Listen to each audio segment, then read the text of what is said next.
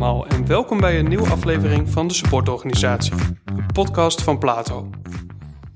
Vandaag ga ik weer verder in gesprek met mijn collega Maarten Baders. Maarten, welkom. Dank je. Een ander onderwerp eh, die ons uh, beiden interesseert en die we natuurlijk veel tegenkomen is die van agile werken. Agile werken is natuurlijk al een aantal jaren um, ja, een bekend begrip in, uh, in organisaties. Ik zie zelf daar een beetje een soort golfbeweging in. Dat is met een hype geïntroduceerd, heeft een beetje op zijn retour gelegen en nu merk je een beetje weer van, we moeten er iets mee. Herken je dat? Ja, klopt. Um, het is natuurlijk echt een beetje zo'n zo'n soort buzzword, hè, om het maar zo te zeggen. Uh, uh, komt natuurlijk ook in veel van die bullshit bingo's, uh, komt hij terug van, ja, we moeten agile zijn, we moeten, alles moet agile.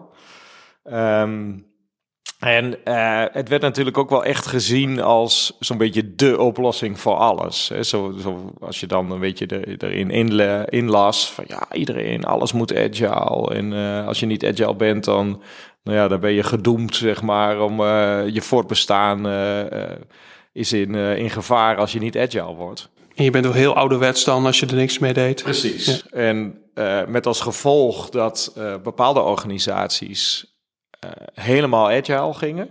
En maar dan ook echt, en er zit eigenlijk wel een beetje een verschil in de term agile en uh, wat wij in onze uh, aanpak wendbaar noemen.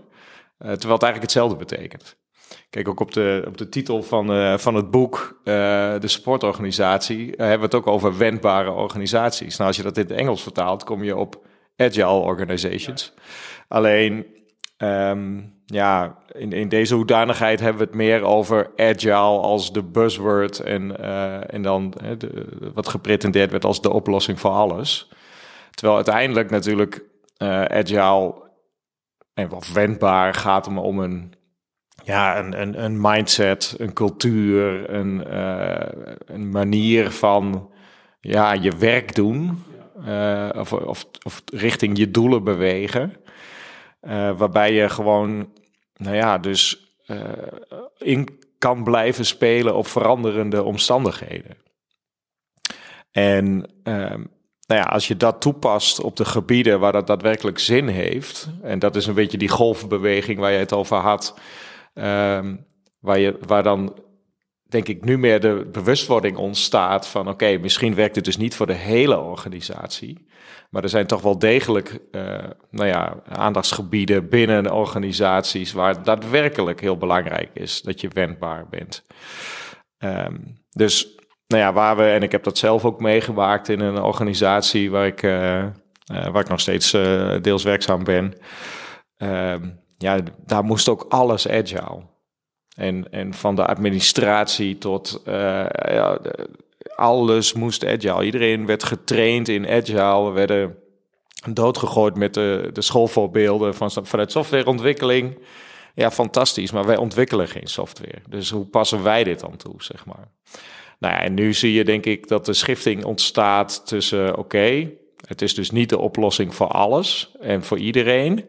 En, uh, je, je, gaat ook niet, uh, je houdt niet op met bestaan als je niet uh, alleen maar aan het scrummen bent of, uh, of alles in kanbans doet. En ehm, nou ja, noem nog maar eens wat, wat superlatieven uit die, uit die hoek.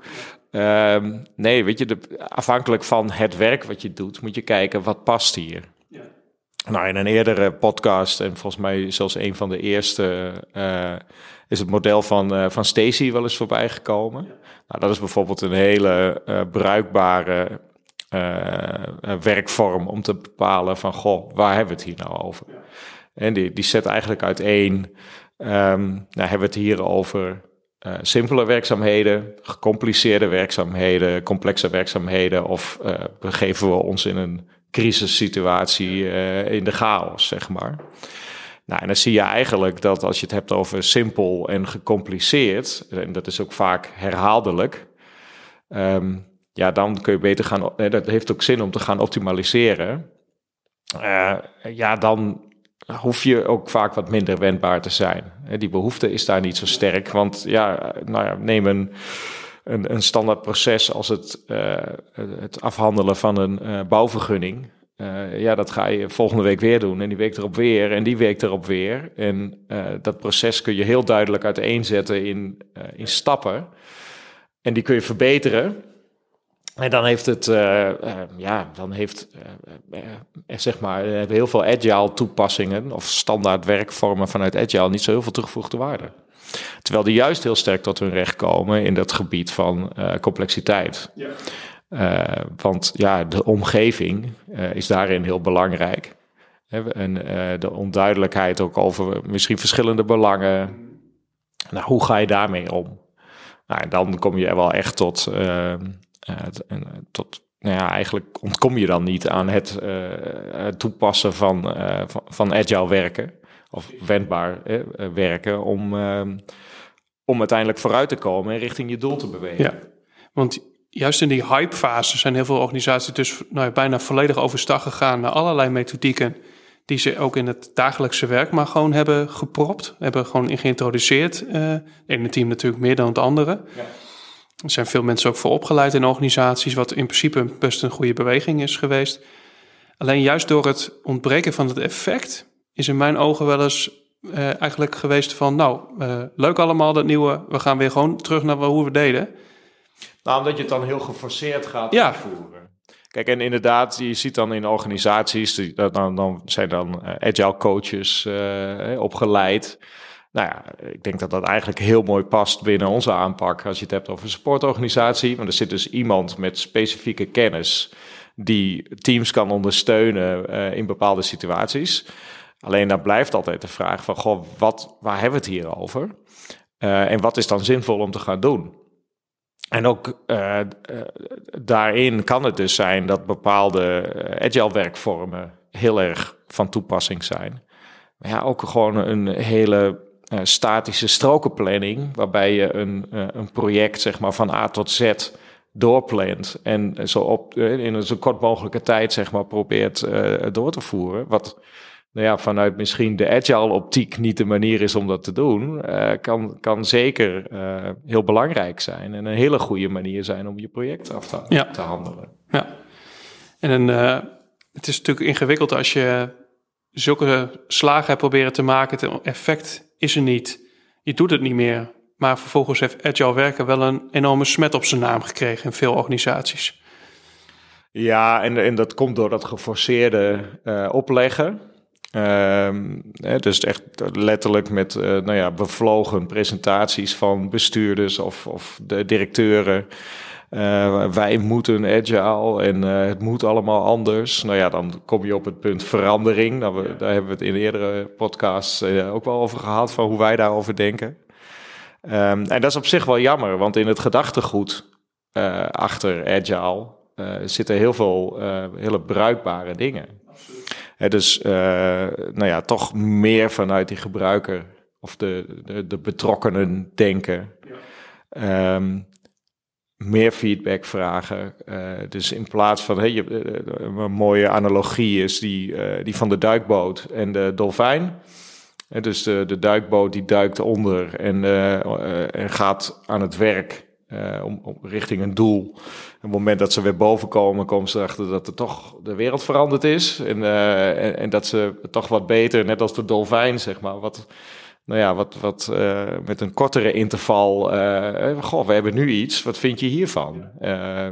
bevalt dit of moeten we wat aanpassen?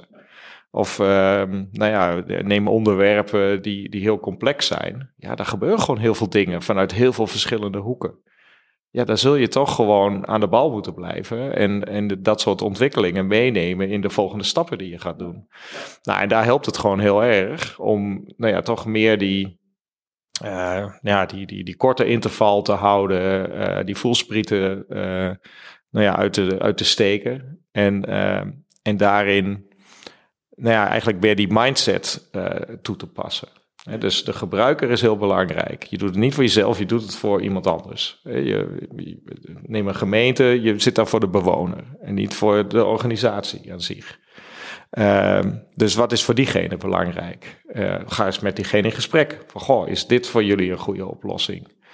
Uh, dat, en dat zijn allemaal dingen die vanuit de mindset, vanuit, uh, vanuit Agile, zeg maar, ja, heel belangrijk zijn. Ook voor organisaties om zich in de, nou ja, de hedendaagse samenleving te, te profileren. Ja. En wat, en wat natuurlijk daarvoor ook was, hè, van veel organisaties werkten al met andere vormen, hè, lean bijvoorbeeld, of je bent bezig met projectmatig werken en allerlei vormen die daarbij horen. Ook dat is niet per se verkeerd ten opzichte van agile. Het zijn allemaal verschillende vormen hè, met verschillende uitdagingen. En ja, bij de ene de uitdaging past bijvoorbeeld Lean veel beter. En bij de andere uitdaging zou je bijvoorbeeld een, een Kanban moeten pakken. Ja. Nou ja, het Lean uh, past heel goed in die, als we het over dat model van Stacy hebben, in die, in die simpele en, gecompliceerde taak. Want daar heeft, heeft het ook zin om te gaan optimaliseren. Want je doet die dingen steeds vaker. Um, terwijl als je het dan echt hebt over wat mensen verstaan onder agile, dat past veel meer bij de complexere uh, aangelegenheden. Maar goed, daarnaast zijn er natuurlijk best wel wat uh, ook standaard werkvormen uh, vanuit, nou ja, vanuit agile die heel erg toepasbaar zijn binnen heel veel teams bijvoorbeeld. En dat zien we ook wel in onze teamontwikkelingstrajecten. Ja. Um, ja, dat als je die op een, op een slimme manier inzet, heb je vaak makkelijk toepasbare uh, hulpmiddelen uh, die, die, je helpen bij, je, bij, je, bij, ja, bij het werk. En wat zijn volgens jou een aantal van die tools, methodieken die onze luisteraar echt moet kennen vanuit Agile?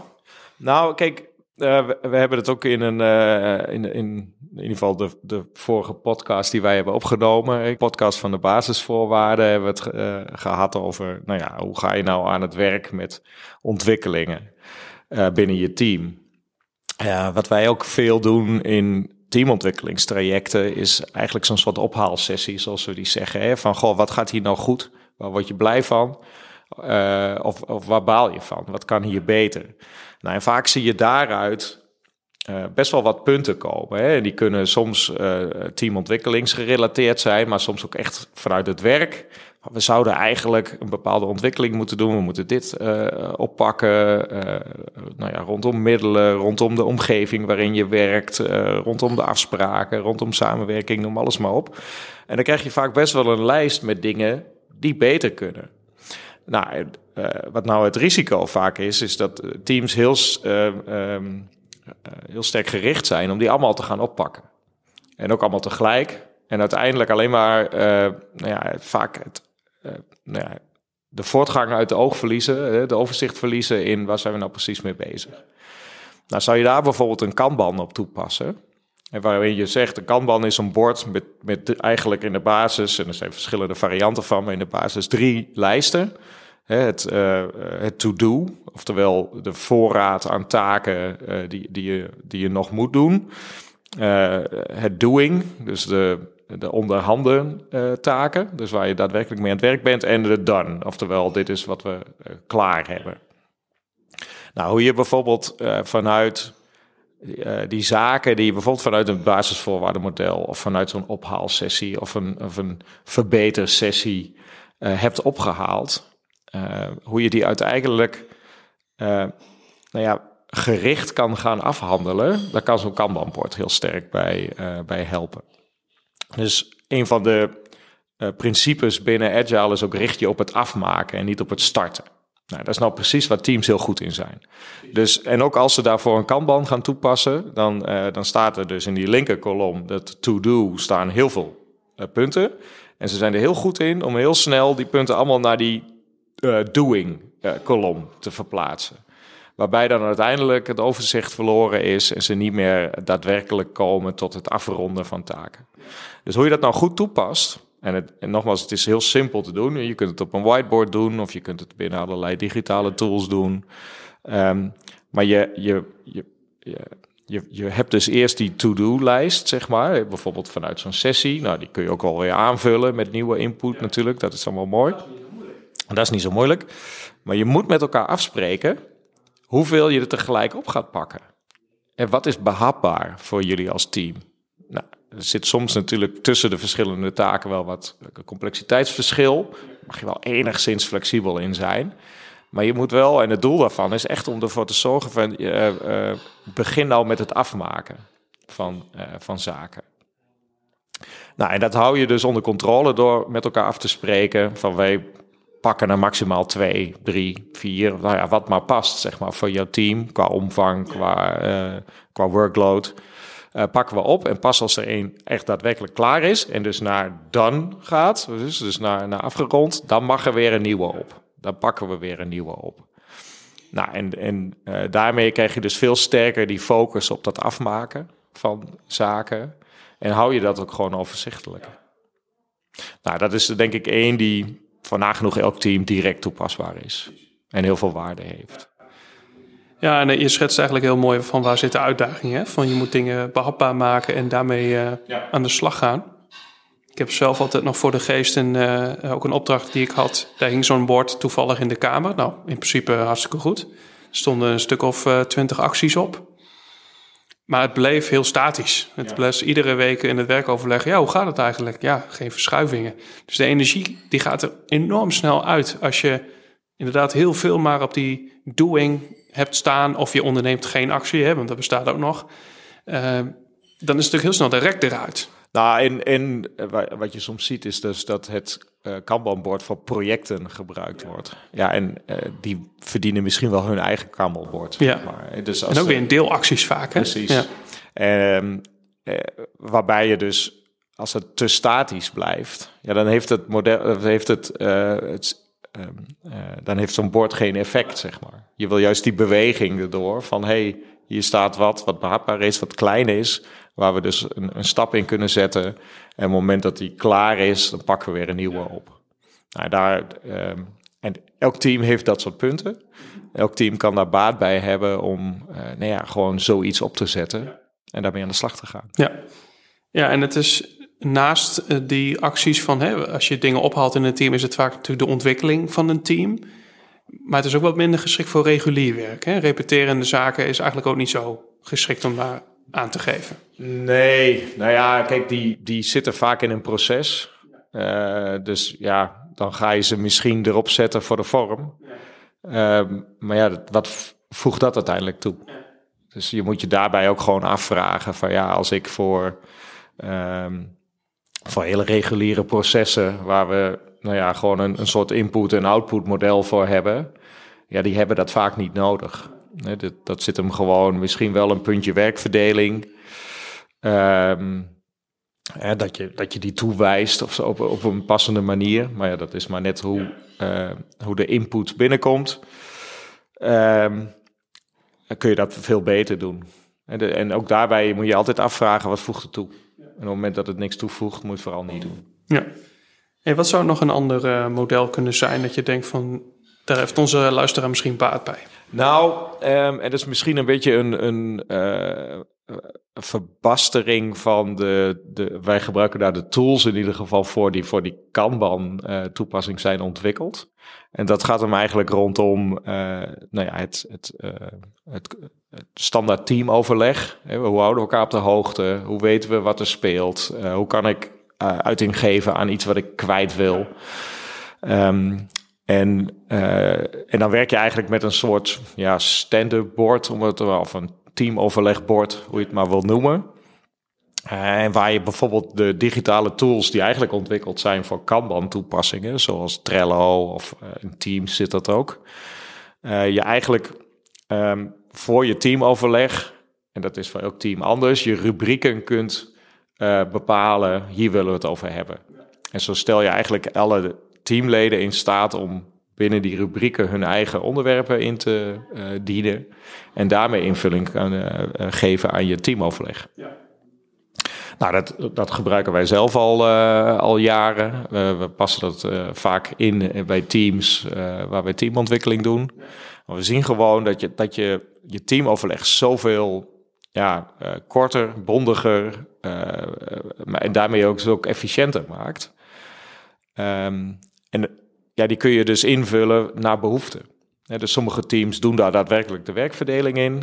Uh, voor andere teams is dat niet relevant. Uh, maar die hebben het bijvoorbeeld meer over welke trajecten lopen er, uh, welke hoogtepunten heb je. Maar wat willen we ook bespreken? Hoe kun je een hulpvraag daarin kwijt? Wordt meer van het team zelf op die Het wordt echt van het team zelf. En als je zegt van, goh, dit is een rubriek die, eh, eh, die is voor ons van, van toepassing, dan voeg je hem toe. En als je denkt van, ja, hier doen we eigenlijk niks mee, dan haal je hem er weer af.